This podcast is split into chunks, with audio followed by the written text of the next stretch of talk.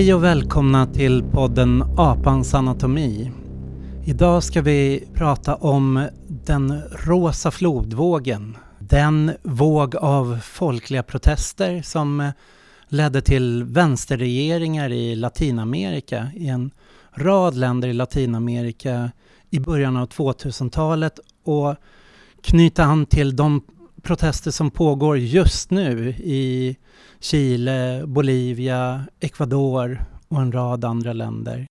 Och med mig som gäst idag har jag America Vera Zavala. Hej! Vi känner ju varandra från förr, från globaliseringsrörelsen, när du var med och drev Attack. Men hur beskriver man dig idag? Vad är det du gör idag? Ja, idag skulle man nog säga att jag är dramatiker och regissör och kulturskribent. Fast jag är ju fortfarande aktivist någonstans, även om man är aktiv på andra sätt i olika faser i livet. Mm. Du började din bana i Ung Vänster. Hur kom du in i globaliseringsrörelsen, i hela den svängen? Precis, jag gick med Ung Vänster 94 och sen väldigt eh, alltså bara ett par månader efter att jag hade blivit invald i Ung Vänster så blev jag vald till Nej till EU-ordförande i min hemkommun. Jag var I väldigt Marks ung. kommun. I Marks kommun, exakt. Mark med K dock, men ändå i Marks kommun.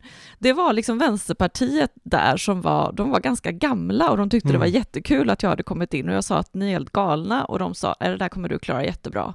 Och det gjorde jag med hjälp av dem. Och sen blev jag mer och mer aktiv i just EU-frågan. Och direkt efter gymnasiet, alltså månader efter gymnasiet, så var ju första valet till EU-parlamentet Mm. och jag var med i valrörelsen. Och apropå Latinamerika, jag hade ju tänkt under hela min gymnasiegång att jag skulle åka till Latinamerika och eh, studera mina rötter. Mm. Eh, för att jag kom ju till Sverige när jag var tre och har liksom Ja. aldrig levt i Latinamerika. Ja, vad har du för rötter? Så att, eh, min pappa är från Chile och mamma är från Peru.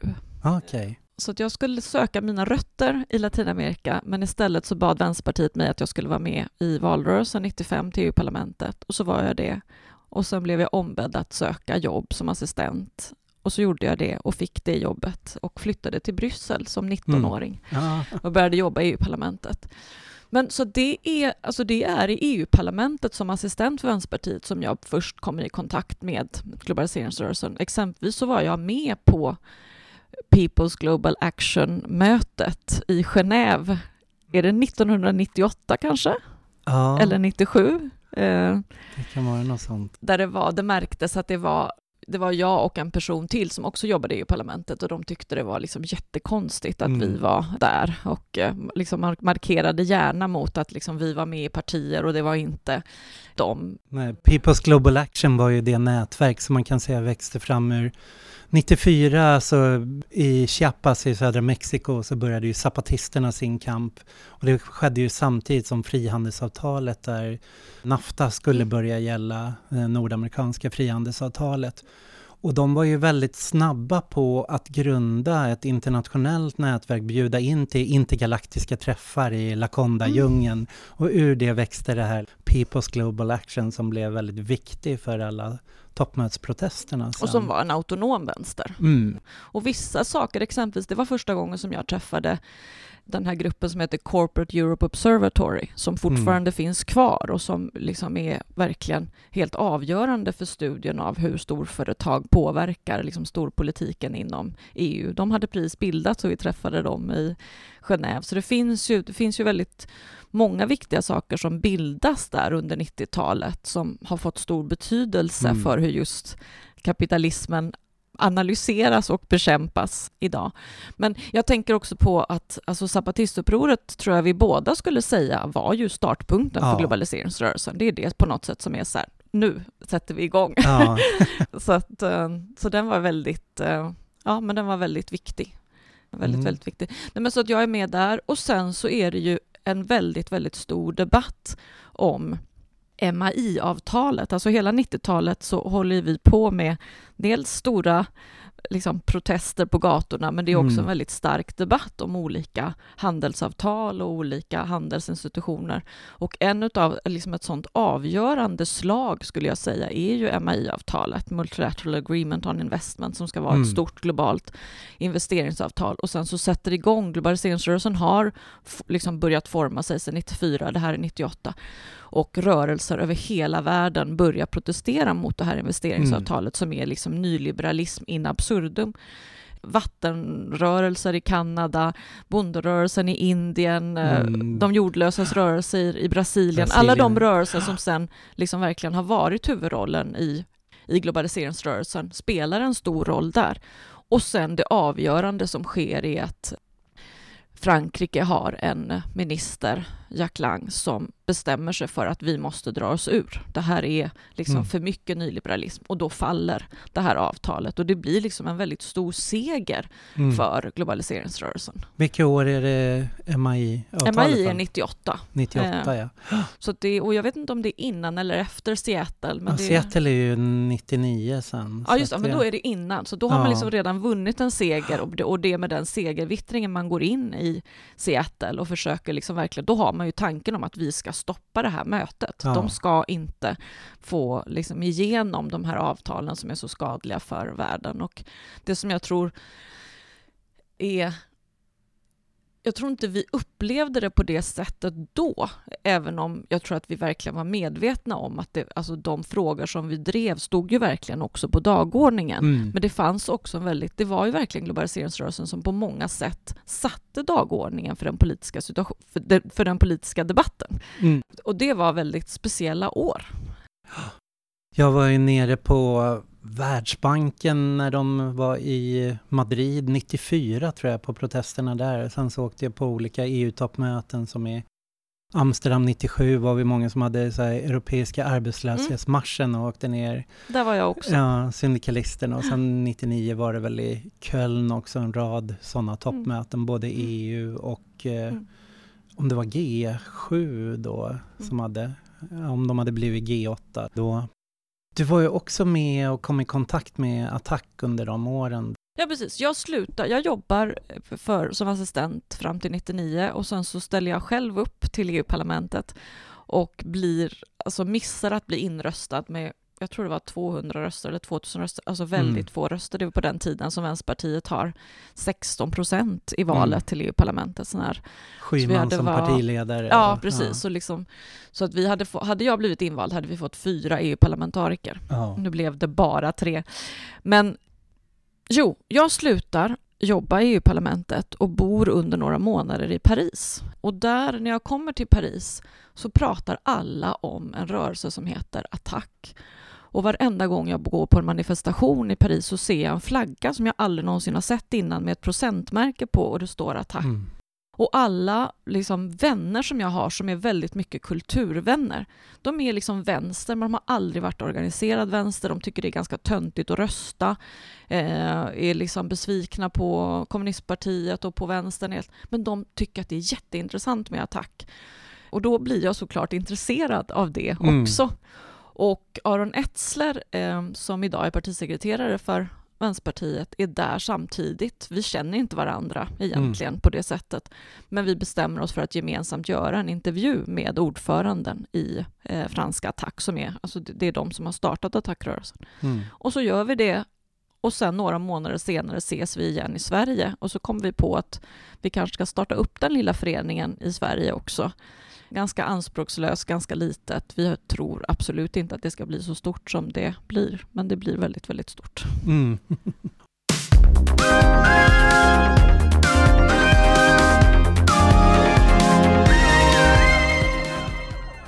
Om vi ska glida över då på Latinamerika, för det här är ju liksom, vi har, många känner ju till de här Seattle-protesterna mot eh, Mötet där 1999, vi har liksom protesterna mot, eh, i Prag mot Världsbanken bland annat, vi har som är 2000, vi har EU-toppmötet i Göteborg då hela östutvidgningen genomförs, liksom 2001. Och vi har våra protester här i Sverige. Och sen så en månad senare kommer Genoa i, Italien då G8-mötet och det är ju liksom de stora, vad man kan säga, liksom i väst, norra halvklotet. Men det sker ju väldigt mycket i Latinamerika under de här åren som börjar ta fart. Utan att liksom berätta hela Latinamerikas historia, utan liksom komma fram till de här mm. åren, så kan man väl säga någonstans att efter liksom, vad man kan säga liksom 40-50-talet framåt liksom till 80-90-talet så alla latinamerikanska länder har ju haft en militär diktatur understödd av USA no någon period under de här åren. Och det är en rätt lång väg liksom till, eh, vad ska man säga, demokrati. Och alla länderna har ju givetvis sin egna historia de här åren, men 98 kan man väl säga liksom det som kallas den här rosa vågen eller vänsterpopulismen som kommer till makten så är ju 98 kommer Hugo Chavez till makten i Venezuela. Han, jag tror 98 är valet och han kanske väljs till president 99 så att han är väl en av de första i, så att säga, som sammanfaller med den här globaliseringsrörelsen. Mm. Vad kommer sen? Och sen så har vi ju Lola och sen Frente Amplio. Och Lola är 2003 och sen så har vi Evo Morales i Bolivia då 2006 och de kommer ju kallas eh, så här, de tre musketörerna. Fast innan dess är ju Kirchner i ja. Argentina 2003 också. Ja. Och Argentina, det är ju någonting som för mig var det väldigt stort och så inspirerande. Jag var ju aldrig där, men jag plöjde ju så himla mycket texter och läste och inspirerades. Det var som så modellen för hur ett, ett folkligt modernt uppror skulle se ut. Ja, 2001. Ja, ja 2001. Jag skrev ju till och med en bok om, eller inte mm. en bok bara om det, men jag skrev ju en bok som heter Deltagardemokrati där jag studerade mm. den deltagande budgeten i Porto Alegre väldigt mycket, men det jag också skrev om det som hände i Argentina 2001. Ja. Hur viktiga var zapatisterna för de här protesterna alltså som kom i slutet av 90-talet i Latinamerika, tror du? Eller, var det, eller hade det mer inhemska skäl? Alltså jag tror, om jag får göra en lite, lite längre båge, ja, så ja, tänkte jag så här att jag tror att jag skulle säga att Latinamerika som kontinent har varit både den kontinent som har varit på något sätt ledande, både intellektuellt och strategiskt, för vänstern i resten av världen. Mm. Europa har inte varit det, trots Nej. att européerna själva tror det.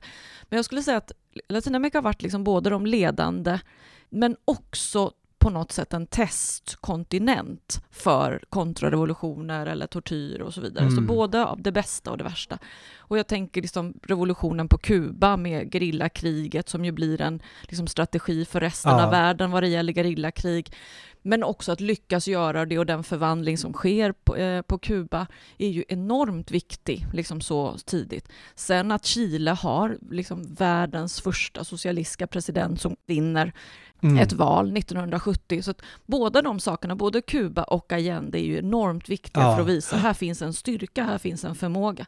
Sen kommer ju militärkuppen mot Chile. Och det är 73. Ju 73.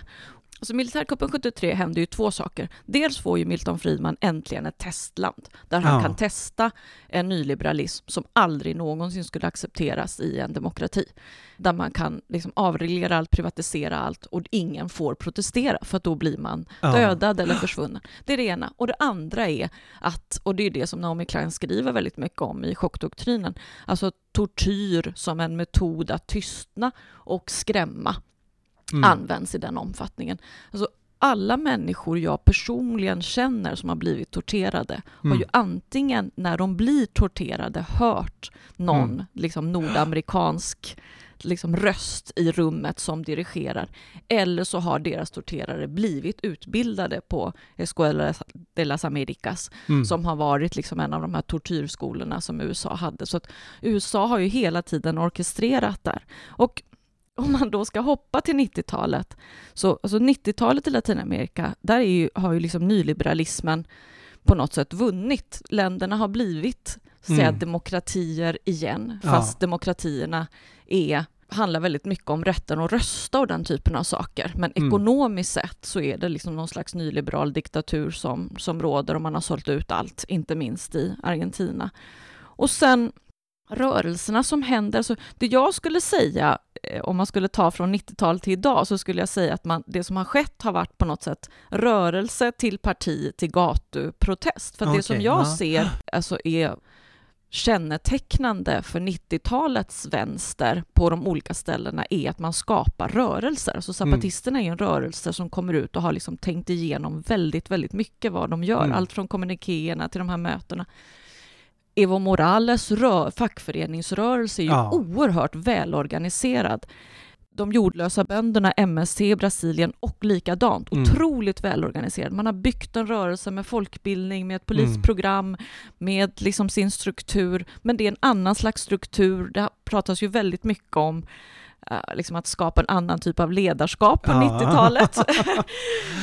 jag vet till exempel Felix Gattari, Deleuze Gattari, han är ju väldigt mycket i 80-talet nere i Brasilien och intervjuar Lula och hänger med Lula och tittar på Movimento Sem Terra, mm. jordlösas rörelse där. För, och intresset är ju för att det är här är inte en traditionell socialdemokratisk parti, utan här är rörelserna som går in i det klassiska arbetarpartiet och tar över det och omvandlar det och att rörelserna liksom revitaliserar det underifrån med inte bara fackföreningsrörelse utan då landlösa och piratradiostationer och liksom alla möjliga hemlösa i städerna som går in och att den liksom mångfalden som tar över partierna och det är ju någonstans det som, de studierna som också tror jag ligger mm. till grund väldigt mycket sen för det som är boken Empire av Michael Hart och ja. Tony Negri, som är liksom en studie av någonting annat än de traditionella partierna, men också en rörelse som på något sätt försöker vända sig mot hur kapitalismen ser ut då, mm. som är en kapitalism som kommer liksom från, alltså de som bestämmer i världen är storföretagen, det är de här stora handelsavtalen, det är mm. inte längre liksom inom, inom nationalstatens gränser som allt rör mm. sig kring, och det är det som de försöker formulera med Empire. Mm. Jag tänker en rörelse som spelar viktig roll, det är ju också rörelsen så med barnen till de som försvann eller liksom utsattes för tortyr. Att det var ju aktiva även här i Europa, de här Ichos eh, mm. som även barn till flyktingar här som började liksom politiseras på det sättet och hjälpte till att skapa de här internationella kontakterna. Att man hade de här skrammeldemonstrationerna, mm. man gick ut och pekade ut var torterare fanns och krävde liksom utredningar och rättvisa för synligare. Vad är det de här skrämmel... Casse... Cacerolazo, för det är fortfarande idag är ju det en viktig mm. sån här form. Just, som... nej, men det, nej, just det. Det jag tror du menar är ju scratch. När man ställer sig. Ja, escrache. Coserola är när man går ut och slår på ah, grytor. På, okay. eh, är när man ställer sig utanför och säger här ah, bor ja, ja, ja. Som, så det är som ja. utpekning, uthängningar av... Mm. Nej, men jag tror det som sker, alltså det som sker i Argentina 2001 mm. är ju väldigt, väldigt likt, skulle jag säga, det som sker i Chile idag. Nu har jag inte varit i Chile, ja. men jag var i jag åker till World Social Forum i Porto Alegre eh, 2002 mm. och ska vara med då. World Social Forum-rörelsen är ju också väldigt, väldigt viktig ja. skulle jag säga för formeringen av det här. Men jag åker dit och ska skriva på den här boken om deltagande demokrati. Och det som händer då är att under jul och nyårshelgen i Argentina så bryter Argentinas ekonomi totalt samman mm. och det börjar skapas massa, massa grannråd. Alltså väldigt likt Pariskommunen eller väldigt likt alltså den typen av väldigt så mytiska liksom, vänster. Mm. Och det sitter liksom de här grannråden överallt, arbetslöshetsrörelser. Och det som händer då på World Social Forum är att det absolut mest intressanta är ju inte inplanerat på seminarierna.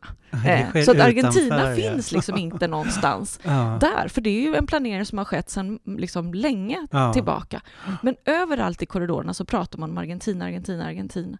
Jag har ganska nyligen blivit vän med Naomi Klein och träffar hennes man och de ska liksom ut på en längre resa i Latinamerika, så vi bestämmer oss för att tillsammans åka till Argentina. Så mm. vi kommer dit i februari 2001. Jag blir klar i flera veckor. Och de blir ju kvar i flera år kan man säga eftersom de senare gör en dokumentärfilm också ja. som handlar om de arbetarstyrda fabrikerna. Men det som händer i Argentina då är fascinerande. Alltså den folkliga mobiliseringen och organiseringen i de här råden som finns och som på många sätt också faktiskt liksom så att säga, det, det var inte bara så att man hade möten i sitt kvarter för att prata om politiska frågor, utan det handlade också väldigt specifikt om hur organiserar vi hur organiserar vi så att det fungerar att köpa grönsaker och mm. kött den här veckan? Hur fungerar det med liksom sophämtningen? Hur fungerar vi med att liksom kunna köpa tjänster när det inte finns pengar, när mm. ingen kan ta ut? Så det är en väldigt, det är en väldigt, väldigt intressant eh, situation mm. och väldigt mycket som skapas ja. där och då som fortfarande finns kvar.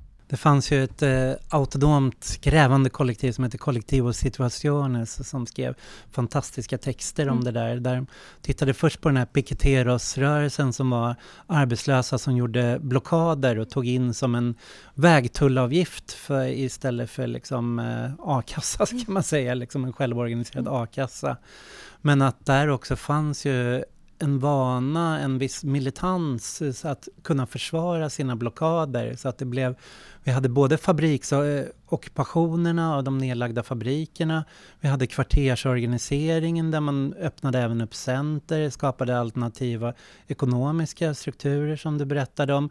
Piketeringsrörelsen som var van att liksom militant kunna försvara de här och rörelsen som möttes då in i stan på de stora torgen. Och, så att det var ju en extremt dynamisk där de olika mm. sidorna verkligen hjälpte och stärkte varandra. Och var väl under några månader det var tre presidenter som, eh, som avsattes, liksom, fick fly i helikopter. Mm. Att det var mm. väldigt turbulent ja, period. Fast där tänker jag att för mig, om jag tittar tillbaks mm. på det där, ja just det, mm. olika spår. Jo, en sak som händer de där veckorna i Argentina 2001 ja. är att människor står och kan inte ta ut pengar på banken, de har förlorat sina besparingar, de har börjat organisera sig i grannråd, eh, de protesterar för ett slags liksom, aktuellt ekonomiskt nu, mm. men de säger också vi har slutat vara rädda. Ja. Så att protesterna mot tortyren och försvinnanden från diktaturen kommer då, för att ja. folk slutar vara rädda. Och det är precis exakt samma sak som folk i Chile säger den här mm. hösten 2019, ja. att de har slutat vara rädda. Och det är ett sånt otroligt uppvaknande som jag fick vara med om då, mm. 2001, att helt plötsligt så, eller 2002, att stå där utanför byggnader där man vet att det genomfördes liksom tortyr i flera år.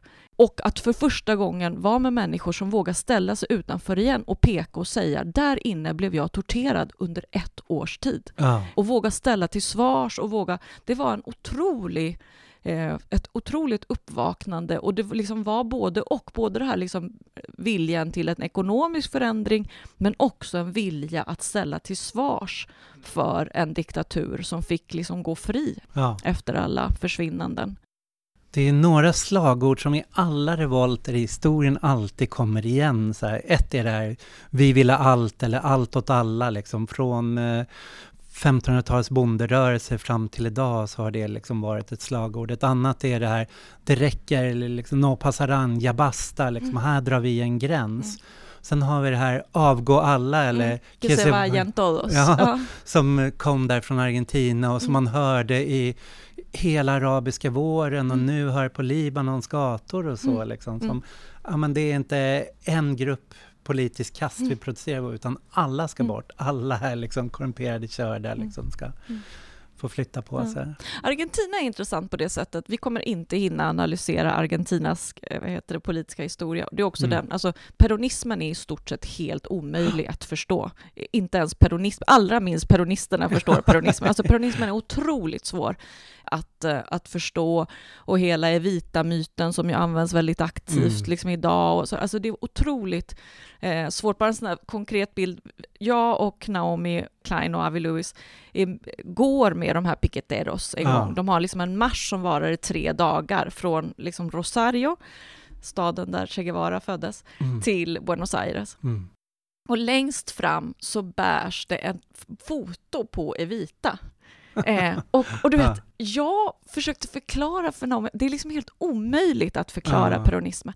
Men det som är, alltid finns med Argentina är ju att det är väldigt ofta i Argentina någonting startar och sen sprider Ja. sig. Exempelvis här, de absolut senaste, vad heter det, chants vid fotbollsmatcher Mm. eh, hör man först i stadion i Argentina och sen så sprider det sig till resten av, vad heter det, kontinenten. Mm. De första typen av liksom mer kreativa processer börjar i Buenos Aires och sen så sprider det sig till resten av eh, kontinenten. Så det finns liksom en politisk kreativitet som inte finns inom peronismen, Ja. men som finns runt omkring i Buenos Aires som är väldigt, Mm. väldigt eh, speciell. Men en viktig sak som händer i Argentina också som får långsiktiga konsekvenser också, det är ju att man börjar ställa in avbetalningarna Mm. till IMF. Att man är, har varit eh, verkligen i IMFs klor och ett av de mer skuldsatta länderna där, men att man, vad heter det, Kircher, Nestor Kirchner. Nestor Kirchner, ställer in de här och, eller säger att vi ska bara betala en del av dem och sen går Argentina och Lulas Brasilien ihop och säga att men, vi ska börja lösa de här skulderna internt liksom. Och så kommer Chavez och Venezuela in med liksom sina oljepengar. Så det blir ju också inte bara först MAI-avtalet som faller utan sen faller även det här Free Trade. Agreement of the Americas. Ja. Det faller och man börjar lösa ur sig ur IMF. Koppla loss från IMF under de här åren. Mm. Att det blir möjligt att utforma en helt egen form av Mm. politik. Och BRICS, alltså Brasilien har ett ekonomiskt uppsving och börjar liera sig med Kina, Ryssland. Kina kommer ju spela en väldigt stor roll under de här åren innan krisen 2008 i att lyfta Latinamerikas ekonomi. Speciellt för de här vänsterländerna då som börjar handla med Kina. Och Kina kommer in och börjar även extrahera resurser i en stor del av Latinamerika. ja, men jag tänker så här att, alltså för det var det jag var på väg dit innan, att jag tror att Ja, det som händer om man tar Argentina som exempel, så Mm. det finns en stark rörelse som säger just que se vayan todos, inga politiker, inga ledare, men det finns också i globaliseringsrörelsen väldigt stark den här liksom skepsis mot politiska partier mm. och det finns också, det finns inte en bok som är ganska viktig då som heter Como cambiar el mundo sin tomar el poder? Mm, av eh, Holloway som Just det, han tillbringar ju också väldigt mycket tid, John Holloway i Latinamerika då. När vad hette den på To change the world without taking power. Ja, så precis. Så, och det som sker skulle jag säga är ju att den här övergången från rörelse till parti som sker Mm. på 2000-talet i Latinamerika blir ju komplicerad på det sättet eftersom många av de intressanta rörelserna misstror Mm. partier istället för att liksom gå in i det medan andra. Och där finns det ju, det som är intressant skulle jag säga är som att alltså både när Chavez kommer till makten 99 Mm. så är han en militär som Ja. absolut ingen någonsin har hört talas om och som många var väldigt, väldigt misstänksamma mot. Dessutom var han inte vänster i början, han var Nej. bara populist. Så var det verkligen. Sen så förändras han och så förändras. Jag var otroligt skeptisk mot Chavez Mm. eh, i väldigt, väldigt många år och den skepsisen gick aldrig riktigt över just på grund av den här liksom, militära bakgrunden man kom, ifrån. 98-99 får han makten och 2002 sker en kupp mot honom. Mm. Ett kuppförsök. Och det är väl först efter kuppförsöket som han verkligen börjar inte bara vara populist utan han börjar bygga en vilket är, lite unikt i Latinamerika också, det skiljer sig från Bolivia och de andra. Han börjar bygga en dubbelstruktur, en parallellstruktur. Att han både koncentrerar saker i statsmakten men också skapar lokala råd, eh, arbetarråd, kvartersråd och liksom se till att eh, resurser flyttas ut från staten så att om högern kommer tillbaka så ska det också finnas en, en struktur de inte kan rå på. Och han försöker ju också bygga en parallell struktur på hela kontinenten, vilket Mm. är den gamla Bolivar-drömmen, men också Che Guevara-drömmen om ett enat Latinamerika. Ja, men. Chavez tar ju det där med liksom att skapa ett Telesur som ska bli som Latinamerikas tv-kanal, Ja. att skapa ett latinamerikanskt integrerat handelsområde, man börjar prata om gemensam valuta. Det finns ju enorma ja. planer på att just kapa beroendet till USA framför allt, men också liksom att in, liksom en, en ökad integration. Jo, men det som är intressant med Chavez är att han är helt okänd när han kommer till makten. Och det är exakt samma sak med Nestor Kirchner. Mm. Alltså, han är en okänd kandidat som dessutom många tycker liksom känns hopplöst, eh, liksom oartikulerad, inte speciellt karismatisk, ingenting.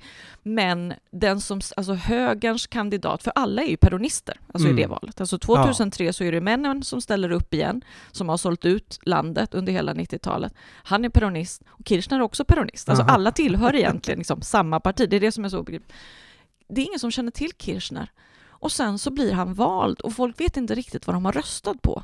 Och sen i hans presidentinstallationstal så säger han ju precis det här om att vi ska sluta vara beroende av Mm. internationella valutafonden. Och då förstår ju folk att hjälp, det här är ju verkligen något riktigt radikalt som har kommit till eh, makten. Och det ses som någonting väldigt positivt av många, men direkt också såklart så ser ju högern att de har fått en kandidat som de måste vara mycket mer fientlig mot än vad de trodde. Och det här är ju mitt då under globaliseringsrörelsens höjdpunkt så att det är också de kommer undan med det, Argentina. De Mm. kan dra sig ur IMF. IMF kan inte börja tvinga ur dem Mm. återbetalningarna. Så Mm. det, det är ju intressant att det är så stark position som börjar ske, Mm.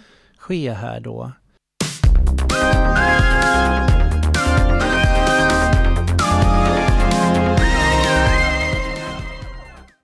Jag tänker Bolivia är ju intressant att komma in på då i och med att det följer liksom lite en annat spår, en annan historia. Där har vi ju en region som heter El Chapare som är, man kan säga väldigt fattig. Det är mycket ursprungsfolk, mycket djungel och det tar väldigt lång tid innan det ens eh, kolonialiseras, det området. Eh, som under en stor del av eh, 80-talet, 90-talet har en viss autonomi där. Att det är så starka rörelser av fackföreningsrörelser och eh, ursprungsbefolkningen som organiserar sig där, kokabönder då framför allt. Eh, eh, så att de kan styra området rätt självständigt tills USA går in och börjar säga att ja, men det här är kokabladen, kokaodlingarna är liksom kopplad till kokainsmugglingen och i sitt krig mot liksom droger så börjar man sätta press på eh, Bolivia liksom att försöka upphäva den där liksom autonomin där. Men det resulterar ju i att det liksom bildas den här rörelsen för socialism, eh, partiet MAS då, som eh, Evo Morales då, som är, han är ju en facklig aktivist, han är en kokabonde liksom som kommer fram som frontfigur för det. Och han är ursprungsbefolkning Ja. själv och pratar deras egna språk.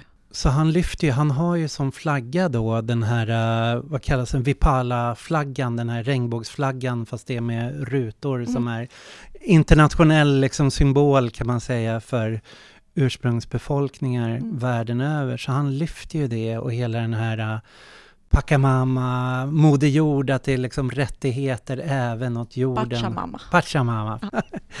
Ehm, Bolivia är ju också ett väldigt sånt där, vad man kan säga, segregerat land, en stark eh, kristen höger. Så att eh, när eh, Evo Morales sen, det är väl 2005 som han får makten, då vilar det ju inte bara på de här uh, ursprungsbefolkningsrörelserna, fackföreningsrörelserna, gruvarbetarna, utan även man har det här liksom antiprivatiseringskampanjerna som har varit där. eh, I Cochabamba med privatisering av vatten. Ja, och sen kommer hela det som kallas vattenkriget, sen kommer det som kallas gaskriget liksom åren efter som är enormt stora och framgångsrika antiprivatiseringskampanjer som lyfter Evo Morales fram till makten då. Mm. Mm. Evo Morales, jag tycker ju han är väldigt intressant. Hans viceminister också, vad heter han, Alvaro Garcia Linneira. Linera, som är en slags eh, Ja, men han, han teoretiserar lite i samma fält som Antonio Negri mm. gör kring multituder, men han drar väldigt med andra slutsatser om hur man ska kunna använda den parlamentariska makten för att stärka rättigheter. Och det gör de ju bland annat genom att inrätta en ny konstitution där ursprungsfolkens rättigheter lyfts mycket mer, jordens rättigheter. Man tar fram Vipala-flaggan som en nationell flagga också, börjar använda liksom på presidentspalatset. Man får också igenom en ny konstitution som eh, Morales har varit med liksom och pushat fram då. Det där är någonting som har betydelse idag i och med att han valdes till president innan den nya konstitutionen och han i Bolivia har man ju bara rätt att sitta om det är två mandatperioder och han satt en mandatperiod innan den nya konstitutionen tas. Har suttit tre nu, eller två, han är väl inne, blev vald till sin tredje period där. Ja, just det. Den, alltså ja. det som skulle bli den fjärde perioden ja, precis, egentligen. det som skulle bli den fjärde. Alltså, jag kan ju säga redan nu, vi kan komma, jag kan säga ja. det nu och så kan vi komma tillbaka till det, men alltså jag kan säga det redan nu, så ett av Latinamerikas vänsterns stora problem, skulle jag säga, att det är liksom ett gäng machosnubbar som ja. inte förmår att ge makten till några andra. Det var ett otroligt massa teoretiskt tal om just multituder, det var otroligt massa liksom om, eh, tal om representation, men det är i land efter land så har man inte förmått hitta en enda ny presidentkandidat i de här olika länderna. Nej. Och det är sånt fattigdomstecken för en vänster, så att jag vet inte hur man ens ska kunna beskriva det. Mm. Och det tror jag är, har varit ett väldigt, väldigt stort problem också för, så att säga, la imagen, alltså, den, mm. den, alltså hur man ska synas utåt, att prata om alla de här sakerna, men ändå så kan du som president inte hitta en enda person som du tycker är värd att efterträda dig. Det är liksom, ja, vi kan återkomma till det, men om jag skulle säga någonting som är speciellt Nej, är... med Bolivia jämfört med de andra, är att Bolivia, Ecuador, Peru är ju länder där ursprungsbefolkningen eh, existerar. Alltså i Argentina mm. och Chile så blir de ju stort sett utrotade, alltså mördade, utrotade mm. och undanskuffade. Mm. I, i, både, ja, I både Argentina och Chile så har detta skett. Medan i, i de här länderna så finns de kvar, de är synliga. Och lite beroende på hur man räknar så är liksom i Bolivia så är 80 procent av befolkningen ursprungsbefolkning. Så mm. det går inte att inte se det eller ta miste på det. Det här har ju varit ett problem. Mm. Först var det ett problem för kolonialismen eftersom man var tvungen att på något sätt tukta de här indianerna. Eh, och sen så var det ett problem när det så att säga officiellt blev demokrati för att man var på något sätt tvungen att se till att de inte röstade. Mm.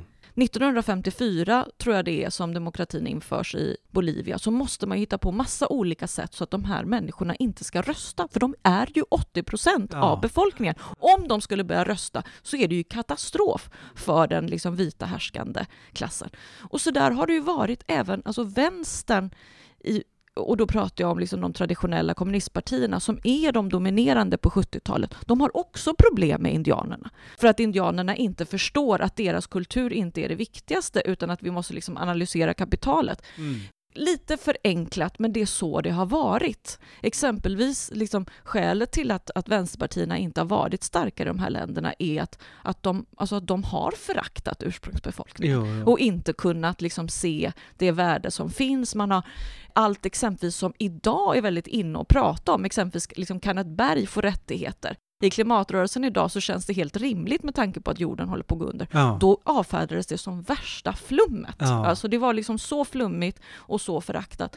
Så det är liksom det, det som Evo Morales gör, det är att han på något sätt ignorerar den delen av vänstern och börjar mm. bygga sin rörelse. För att de måste, de blir mördade, de blir eh, vad heter det, arbetar under fruktansvärda omständigheter som börjar organisera sig, organisera sig och det blir större och det blir bättre. Och till slut blir det ett parti. Ja, 2000 som börjar få liksom mer och mer representation i parlamentet och där 2005 följde jag Evo Morales eh, mm. valrörelse under tre veckor. Så att jag var liksom där bara två veckor ja. innan han blev vald. Så jag följde den här rörelse, valrörelsen under tre veckor. Jag åkte till Cochabamba och fick en intervju med Evo ja. Morales. Det var liksom fascinerande att se och en av de dagarna så sitter jag också i parlamentet och parlamentet är liksom byggt efter någon slags fransk arkitektur eller spansk arkitektur med liksom mm. små balkonger där uppe, precis som det är liksom på en gammaldags teater, som på Dramaten, så sitter åhörarna på liksom någon fin balkong och där nere sitter. Och när man ser då den delen som mass, alltså mm. monumental socialism har erövrat, så ser man de här kläderna som ursprungsbefolkningen bär, de här huvudbonerna som de har. Alltså det är en helt annan liksom, färg. Och bara tänka sig att det här parlamentet har ju stått där i flera hundra år, alltså sedan ja. spanjorerna lämnade, men aldrig någonsin förrän på 90-talet så har de här människorna fått komma in där. Ja. De har aldrig någonsin blivit valda trots att de är majoritet av befolkningen.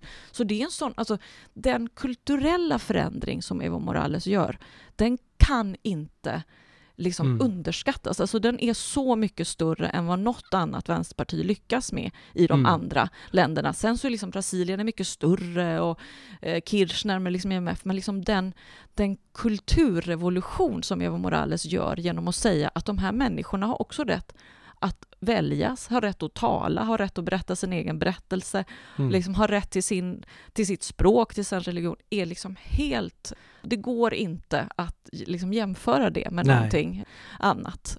Sen så är det ju, alltså om man tar liksom rent ekonomiskt, så att Evo Morales har ju lyckats bättre än vad Lula gör i Brasilien, som aldrig någonsin har majoritet i parlamentet, vilket Evo har, men också att det är, alltså det är så mycket mindre land. Alltså mm. Brasilien och Argentina, speciellt Bras alltså Brasilien är enormt, det är som en egen kontinent.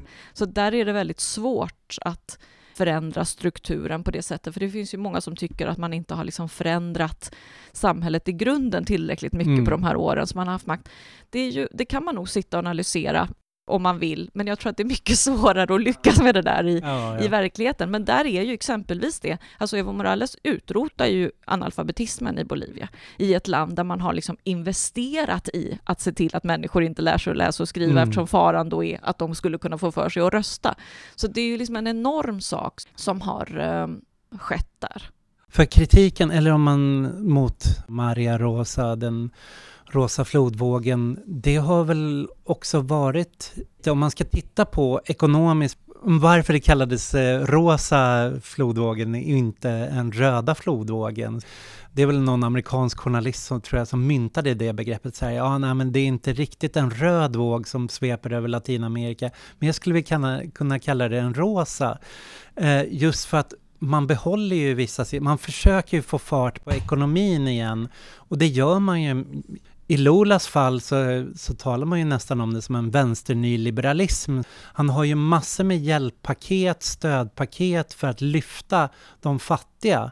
Men eh, ekonomin i stort för Brasilien går ju ut på att locka investerare, göra stora OS-projekt och sånt och få dit investerare.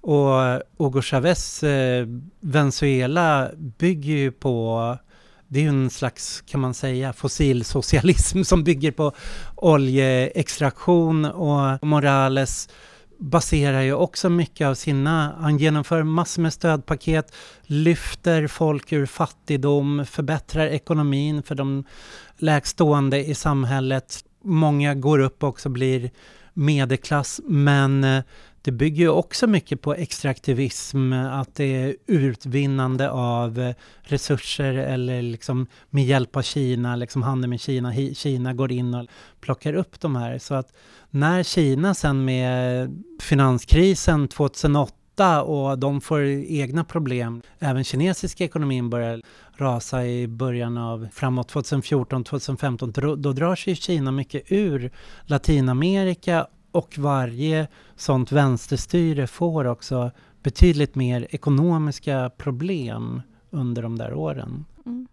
Nej, jag, tror jag ska börja med att säga att om det är en teori om att det är en nordamerikansk journalist som har hittat på vad heter det, uttrycket så förstår jag min omedelbara skepsis till vad heter det, uttrycket. Alltså jag, jag tänker så här att alltså har det någonsin funnits en röd flodvåg, skulle min motfråga vara. För ja. att om jag tänker på 70-talet så är det ju bara ett land där Allende väljs. I de andra länderna, det som finns är ju vänsterrörelser och vänstergriller som blir kraftigt motarbetade. Men det är inte så att vänstern i Argentina eller Uruguay eller de andra länderna vinner och sen så kommer en militärkupp. Utan det är ju bara att det finns en fara om att de skulle kunna väska sig starka som gör att militärkupperna kommer.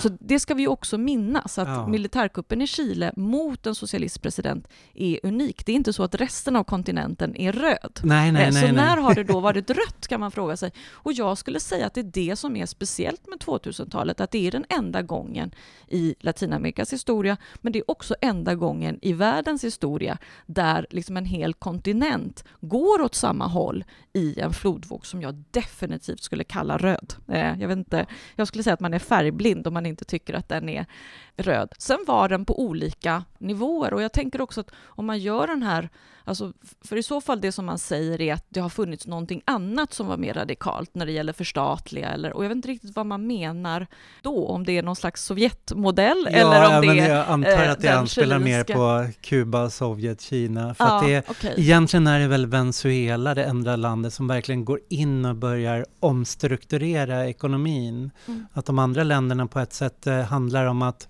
nationalisera de stora resurserna och använda dem för att lyfta de svagaste grupperna i samhället, men man lämnar de rika intakta på ett sätt. Så här, man lämnar de stora bolagen många sätt intakta.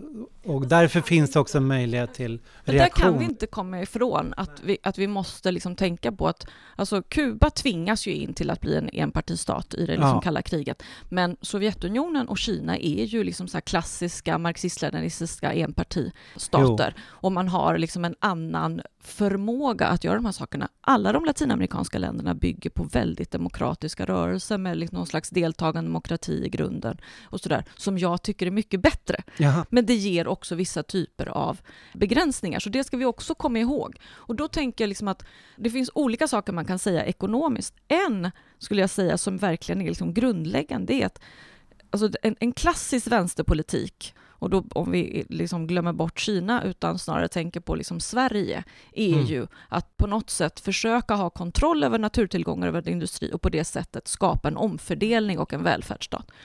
Det som jag skulle säga är problemet med den modellen idag är ju frågan om klimatförändringar. Mm. För att om man tar exempelvis Brasilien och Argentina så får ju de en, en liksom ekonomisk boom under de första åren av sina... Alltså Lula och Kirchner får en ekonomisk boom som är byggd på sojan. Man odlar upp enorma mängder markareal för soja som exporteras för exempelvis till grisuppfödning i Europa och i det, mm. eh, Kina, som när det gäller klimatsynpunkt är förödande.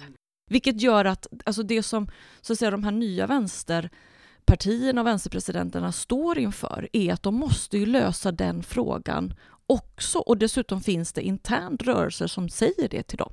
Att ni kan inte omfördela på det klassiska sättet. För att vi kan, alltså det räcker inte med att kontrollera och exploatera naturtillgångar. Vi ska liksom lämna naturtillgångarna i fred. Och hur sjutton gör man då när man skapar ett, ja. liksom en, ett, ett omfördelningssystem? Så det tror jag är en sån otroligt stor skillnad i den liksom, tid som de kommer till makten. Att det finns rörelser som säger ni kan inte mm. exploatera mm. naturtillgångar på det sättet. Och det är därför också som jag tror att det är väldigt bra att Kina drar, alltså Kinas ja. imperialism i Afrika idag är ju otroligt ja, jo, förödande för, eh, för klimatet men även för eh, massa andra saker. Men mm. så det tror jag är en sån här stor, för, stor skillnad. Det andra är ju att exempelvis när Allende tar makten på 70-talet så finns det ju, det finns liksom privata företag, men det finns också ganska stora statliga. Det finns tåg och det finns eh, statliga företag och det finns eh, liksom... Här kommer ju vänsterpresidenter till makten under 2000-talet i länder som är helt privatiserade, ja. där man liksom kan ja, men du vet, vara lycklig över att männen inte hann sälja vattenfallet eller mm. liksom den typen av, av naturtillgångar för att nästan allting är sålt. Vilket gör att man återtar, alltså jag skulle säga att det är lite orättvist också att säga att man inte liksom försöker förändra ekonomin. Man, för, man har Ja. återtagit en del saker, man har nationaliserat en del saker, men man har ju börjat från en nivå där i stort sett allting är sålt, vilket man inte gjorde liksom innan på.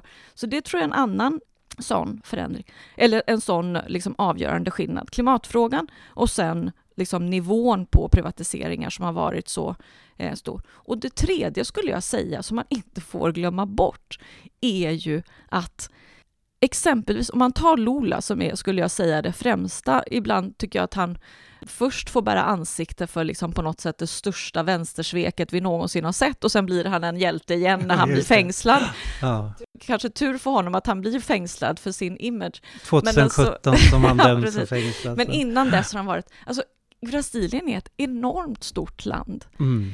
Och i det landet så har Lula aldrig någonsin en enda månad majoritet i sitt egna parlament. Man kan inte glömma det. Nej. Alltså han blir vald till president. Men de har, alltså, i Brasilien så har man ett sånt valsystem att man kan välja en president och sen kan man välja en helt annan majoritet till Ja, parlamentet. Man kan ha Löfven som statsminister, men man kan ha en, En moderat... borgerlig budget. Precis, en, ja, Huh. lite som vi har nu. Sverige blev som Brasilien. Ja, precis. Men, men det är liksom så, vilket gör också att när man säger så här, ja men PT förändrade inte så mycket. Nej, de hade aldrig någonsin möjligheten till någon sådan förändring. Alltså Ja. det fanns inte den... Så i så fall hade vi liksom begärt av Lod att han skulle göra någon slags svart magi och det kunde han inte. Nej. Alltså, så, så där tror jag det är, det är olika och om man skulle titta, exempelvis om man skulle titta på Bolivias ekonomi så skulle jag nog säga att den på många sätt har förändrats i grunden. Kanske inte lika mycket som så att säga någon slags vänsterradikalt program, men nog 17 har Bolivias ekonomi förändrats. Ja.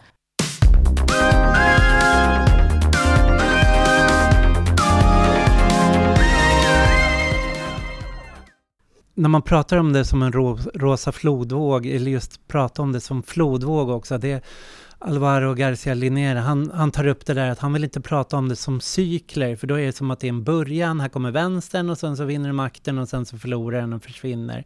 Det intressanta med ebb och flod är snarare att i, i de olika länderna så böljar det här lite fram och tillbaka. Så, eh, beroende på rörelserna försvagas, rörelserna kommer ut på gatan igen, de trycker fram eh, partiet och sen så partierna och sen uppstår det problem. För man ser runt 2015, så 2016, det är ju över hela världen går ju en reaktionär våg då. Och den pågår ju även i Latinamerika där en rad olika länder, högen tar tillbaks makten där. Det är Brasilien Lula fängslas, eller döms ju 2017, men i Argentina tar högern tillbaks makt. I Bolivia så uh, Morales, han, han försvagas ju val för val och han envisas ju också då med att försöka ställa upp till nyval istället för lyfta andra kandidater från MAS. Situationen idag är väl snarare då har varit så här att de som har diskuterat, ja men det här är en pendelrörelse, nu har vänstern förlorat och liksom högern kommit tillbaks. Men då ser man ju snarare att högern sitter ju inte säkert de heller när de kommer tillbaks till makten. Att I Argentina så återknyter man liksom så här med IMF och börjar skuldsätta sig igen till IMF och det resulterar ju liksom i att de högern förlorade valet. När var det nu senast det var? I Argentina för bara några veckor sedan. Ja, det är bara några veckor sedan.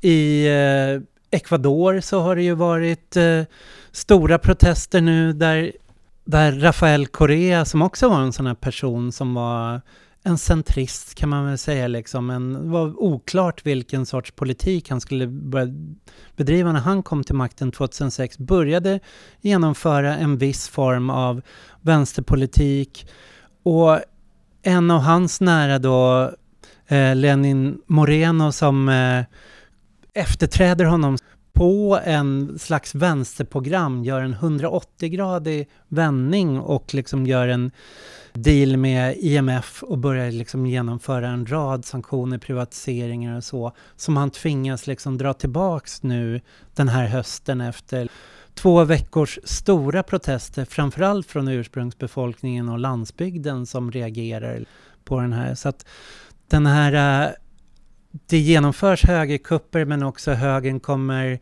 i val tillbaka till makten men de sitter ju inte säkert som det ser ut just nu. Nej, men jag tänker, alltså om man ska göra någon sån här ja. stor bild, alltså jag ska säga 90-tal är en våg av väldigt, väldigt intressanta sociala rörelser i alla världens kontinenter, men speciellt i Latinamerika. 2000-talet är ju, skulle jag säga, en flodvåg av liksom då politiska partier faktiskt vinner land efter land i mm. Latinamerika. Mm. Globaliseringsrörelsen i Europa och Nordamerika har ju dött efter september 2001. Men i Latinamerika så är de här liksom politiska partier. Och sen så kommer, alltså 2010-talet skulle jag säga har varit, alltså högern. Började mm. vinna igen i land efter land efter land och man hade förlorat hela stora, i stort sett hela kontinenten. Nu helt plötsligt den här hösten, eh, hösten ja. 2019, så händer det saker i Latinamerika där jag skulle säga att det inte är liksom en våg en entydig våg åt varken det ena eller andra hållet, utan det går åt massa olika mm. håll. Vänstern vinner på sina ställen, högern vinner på andra ställen. På mm. en del ställen så ser vi enormt starka protester som inte alls är så solida rörelser. Alltså Chile är inte en solid rörelse, utan det är otroligt så att säga, oorganiserat fast ändå väldigt fint organiserat skulle mm. jag säga. Mm. Men det finns inte ett parti och det finns inte en rörelse som står bakom det där, utan det är verkligen människor själva som har fått nog och gått, och, och gått ut på gatorna. Man försökte väl bilda ett parti nu i Chile ur de här protesterna, bred front, och det sprack väl efter bara någon vecka. Mm. Ja. Så, så det sker otroligt liksom, olika, väldigt motstridiga saker skulle jag säga. Ja. Alltså jag, under min livstid så har jag aldrig upplevt så mycket liksom motstridiga tendenser politiskt i Latinamerika som jag gör idag. Men jag skulle säga att en anledning, för att komma tillbaka till det som jag sa innan, en anledning tror jag till att vänstern ändå tappade det så mycket på olika ställen var den här oförmågan att hitta nya ledare. Ja. Det går inte att komma ifrån det och jag tänker liksom att Alltså om man har ett fotbollslag som leds av uh, Pochettino eller Mourinho eller vem man nu liksom gillar bäst. Alltså om man har samma fotbollsspelare på topp säsong efter säsong efter säsong efter säsong så fattar ju vem som helst att det inte kommer funka i längden. Man måste byta ut de som leder. Och det här, och det här vet ju vänstern från både teori och praktik och ändå så gör man inte det. Brasilien är det första land som startade den trenden där man i liksom de här emblematiska kommunerna som man har styrt ställer upp med samma borgmästarkandidat om och om igen och när man inte får ställa upp med samma så har man liksom bara bytt så de alternerar och de här männen blir bara äldre och äldre och ändå mm. så ska de ställa upp igen. Och samma sak är det ju, det är liksom Chavez dör till slut men han lyckas inte hitta någon som ersätter honom. Morales, Rafael Correa, med Kirchner är det ju liksom att, att visst, först är det Nestor Kirchner och sen så tar frun över, Kristina ja. Kirchner. Så det finns ett enormt fattigdomstecken när det gäller detta. Och det är klart att människor ser det och tänker, här är ju någonting som är fel. Det är klart att det måste finnas någon Jag tänker det finns, jag tror hon som är talman i Bolivias parlament är en ung kvinna som heter Eva jag tror hon är 30-årsåldern och sådär. Hon är liksom briljant. Mm. Hon borde ställt upp i det här valet och hon borde ha förberetts till att bli presidentkandidat för flera år sedan. Man borde odlat henne och sagt nu är det liksom Evas tur att bli mm. president. Mm. Men det har man inte gjort. Och det är ett sånt feltänk så att det är liksom så monumentalt feltänkt. Och det tror jag speciellt yngre generationer ser mm. och reagerar och tycker illa om. Och det tycker inte jag är speciellt konstigt. Nej. Jag tycker otroligt mycket om Evo Morales. Jag har aldrig tyckt om Alvaro Linneida. Jag har aldrig tyckt om, eh, vad heter det, Kristina Kirchner, även om jag i det här presidentvalet faktiskt fick, eller den här presidentvalskampanjen fick en, en viss uh, respekt för henne. Jag har alltid gillat Mujica och inte gillat, alltså man har sina favoriter i Latinamerika av olika anledningar på olika mm. sätt. Men det går inte komma ifrån att de borde ha hittat vad heter det, andra ledare. Sen är ju frågan om hur relationen till rörelserna upprätthålls under den perioden så att säga när det har varit så ledarcentrerat. Om rörelserna har fortsatt varit livaktiga och starka eller om de har försvagats. Så att i Bolivias exempel så har det ju funnits ursprungsbefolkningsprotester kring olika av de här gruvprojekten och e- extraktionsprotester där det liksom, de har gått i clinch med MAS till exempel. Att det även om de har betytt oerhört mycket så med tiden så uppkommer också friktioner internt kring den politik som bedrivs. Jag tror det finns två stycken länder där det där verkligen liksom stämmer att det hade funnits ett problem att byta ut ledare för att det var så ledarcentrerat. Och det är ju Chavez och Kirchner. Det tror jag absolut, för där fanns det inte den typ av liksom rörelse från början, utan det var liksom två personer mm. som blev valda och hoppsan, de var liksom radikala. Men i de andra länderna så har det funnits otroligt solida rörelser och då måste man bygga ett lag, precis som när Evo Morales byggde upp eh, sin fackföreningsrörelse mm. och visste precis hur han gjorde för att det skulle bli större, borde han byggt sitt lag när det gällde vad heter det, presidentvalskampanjer och det gjorde han inte. Och det är fel. Det sker ju protester i flera olika länder nu som är intressanta ur vänstersynpunkt men det är, Chile kanske är det som har blivit eh, mest eh, uppmärksammat och flera av oss har tittat mest på eller försöker följa. Så här, vad ska man, hur ska man beskriva egentligen vad som sker i Chile? För det har också kommit, å ena sidan väldigt plötsligt men å andra sidan så har man ju sett tendenserna under väldigt lång tid mm. till en sån här vänster eller protestvåg. Mm. Först kan jag säga, om jag ska säga liksom ett först ett personligt svar och sen ett politiskt svar. Men personligt så tror jag den här hösten har varit, jag kan se en stor del av min vänkrets sitter och följer saker som händer i länder där de så att säga har rötter. Ja. Liksom, min vän Nabila Duraid Al-Khamisi liksom sitter och följer Irak dygnet runt. Nabila följer Libanon. Och det har varit en väldigt smärtsam sak att göra för att för mig så har det väckt, för mig har det inte väckt några trauman, för jag har inga trauman. Jag har väl liksom ett trauma av att vara liksom dotter till exilen, mm. där man försöker minnas saker som man aldrig någonsin har upplevt. Men för mig, så det som har, den sorg som har väckts har ju varit det där att jag har liksom börjat tänka väldigt mycket på hur hade mitt liv sett ut om militärkuppen i Chile 1973 aldrig hade inträffat? Hade jag haft en jättenära relation till mina kusiner? Var hade jag bott någonstans? Och det tror jag väldigt många i Sverige går igenom nu. Mm. Chilenare, libaneser, iraker syrier, liksom, hur hade livet sett ut? Också eftersom vi just nu bor i ett land som är så fientligt mot oss. Mm. Alltså när jag kom till Sverige så tog man liksom emot oss med öppna armar och sjöng liksom våra sånger. Nu så är det så otroligt fientligt mot det som då kallas för invandrarna. Mm. Och sen så sitter man och ser liksom vad som händer i de här protesterna och tänker hur hade livet varit? Och det tror jag har varit otroligt smärtsamt och liksom sorgligt, speciellt om man är i min generation där man börjar skaffa barn. Alltså, på något sätt så har man liksom bestämt sig för att det här landet är mitt. Mm. Och jag hade aldrig trott att jag skulle liksom sitta och reflektera över de här sakerna. Men jag tror att det som händer i Chile idag hade ingen väntat sig, även om alla har hoppats i alla år på att det ska komma. Och klart att det har funnits tecken, men tecken finns det ju alltid, men man vet aldrig när det där sker på något Nej. sätt. Och jag tror att det är det uppvaknandet som skedde i Argentina 2002 när ekonomin mm. bryter samman. Och ekonomin i Chile har inte brutit samman, men det är en illa fungerande ekonomi som dessutom, alltså ända sedan egentligen Friedman-tiden så har alltid, alltså lögnen om Chiles ekonomi har alltid varit mycket starkare ja. än Chiles ekonomi. Man har alltid ljugit och sagt att det här är så framgångsrikt. Och de här chilenarna lever i den här lögnen om att det är så framgångsrik ekonomi och här finns inte speciellt många fattiga jämfört med Nej. andra latinamerikanska länder. Och det är inte sant. Det finns otroligt mycket fattigdom. Det är en ekonomi som bygger på väldigt, väldigt hög belåning, där liksom alla är belånade upp till öronen. Och det har ju aldrig gjorts upp med nyliberalismen, att det är obruten nyliberalism från 73 fram till idag. Ja, för att Pinochet skriver sin egen grundlag när han sätter sig och blir senator på livstid fram mm. tills han dör. Så att den grundlag som chilenarna lever under är den som diktaturen skriver. Och där så är alltså offentlig sektor i stort sett förbjudet. Ganska likt EU, kan man säga, eh, ja. men, men skriven av en, av en diktatur.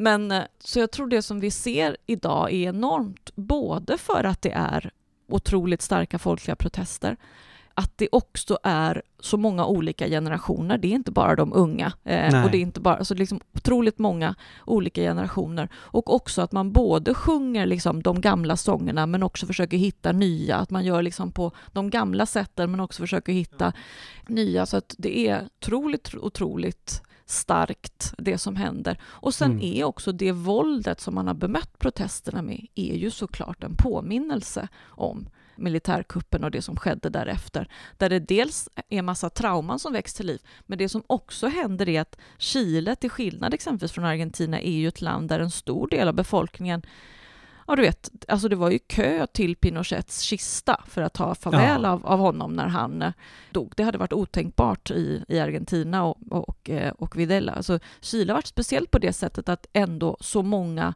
så att säga vanliga människor, vad det nu är, gick på myten om att det var två sidor, att det var ett krig, Mm. att socialisterna höll på att förstöra landet och de här liksom överdrifterna om, eh, om siffrorna. Så det, det är det som är, tycker jag, väldigt roligt att innan det här händer för ett år sedan så får ju den väldigt starka och kombativa kultursektorn Mauricio Rojas att avgå från, som kulturminister just för att han har sagt Ja. någonting om att liksom, ja, ja, men de kanske inte var 30 000 och liksom, minnesmuseet, Museo de la Memoria är ett propagandacentrum och så Ja, vidare. Och att man liksom får honom att avgå och säger det här accepterar vi inte. Och det tror jag är, det är inte ett, liksom inte ett förspel till det som händer, men det är liksom absolut ett väldigt viktigt tecken att säga att det är inte längre accepterat och ifrågasätta om det var Mm. 30 000 som eller 30 000 i Argentina, förlåt, om det var liksom 3 000, to- ah, men antalet försvunna och antalet mördade och antalet torterade, det är inte längre okej att ifrågasätta det, det är inte längre okej att vara liksom historierevisionist. Mm.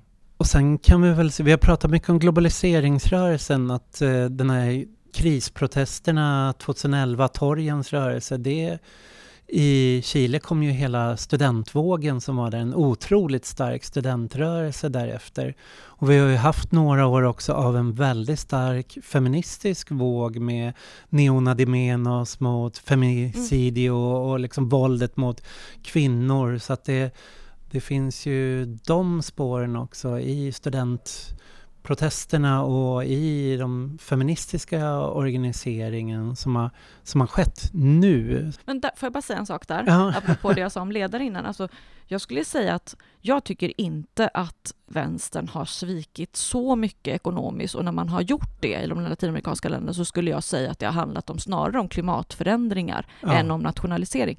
Men om jag skulle säga att det finns liksom den politiska fråga som jag tycker är vänsterns absolut värsta svek mot Mm. människor i hela Latinamerika är att man under hela 2000-talet har vänsterregeringar men att abort fortfarande inte är lagligt. Ja. Det är fortfarande bara på Kuba, tror jag numera också Uruguay och i staden Mexico City som det är lagligt. I hela övriga Latinamerika så sviker vänstern Mm. och legaliserar inte det som kvinnor dör av varenda dag i Mm. Latinamerika. Och det är återigen, alltså vissa av de svek som jag tycker vänstern har gjort har varit liksom skamliga. Alltså jag tycker Ja. det är skamligt att inte kunna komma fram med nya ledare och precis som jag också tycker det är skamligt att kvinnor fortfarande får dö av att de har blivit gravida. Och det är liksom hemska sätt man dör på. Det är fruktansvärda sätt som man dör på när man försöker göra illegala aborter. Ja, verkligen. Vi skulle kunna prata hur länge som helst och det händer så otroligt mycket då har vi just ändå inte nu. pratat om Mexiko, inte om Paraguay och nej. inte Mexiko, om... där har vi ju fått en Honduras. vänsterregering. Ja. Ja, Uruguay, valet just nu, det står och Ja, väger, man precis. vet inte om det har varit ett tryggt Ja. vänsterfäste, om högern kommer tillbaks där. Mm. Och Honduras där faktiskt USA genomför en militärkupp och där också den här avrättningen av klimataktivister har någonstans Ah. sin början. Ja, Ja, men eh, Panama Latinamerika är stort. vänster. Ja det, ja, det är väldigt mycket, men eh, jag tänker ändå att det här är en bra bakgrund i alla fall om man vill förstå vad som ja, händer, verkligen. sker just nu. Sen får man återkomma i fler avsnitt och Ja. Utvärdera lite, eller diskutera lite Mm. vad som faktiskt blir konsekvenserna av den protestvåg som är nu. Mm. Vi får avsluta där, men jag är jätteglad att du kom Amerika. Det här Tack. var superintressant Ja, samtal. Tack. Tack så Det var mycket. roligt.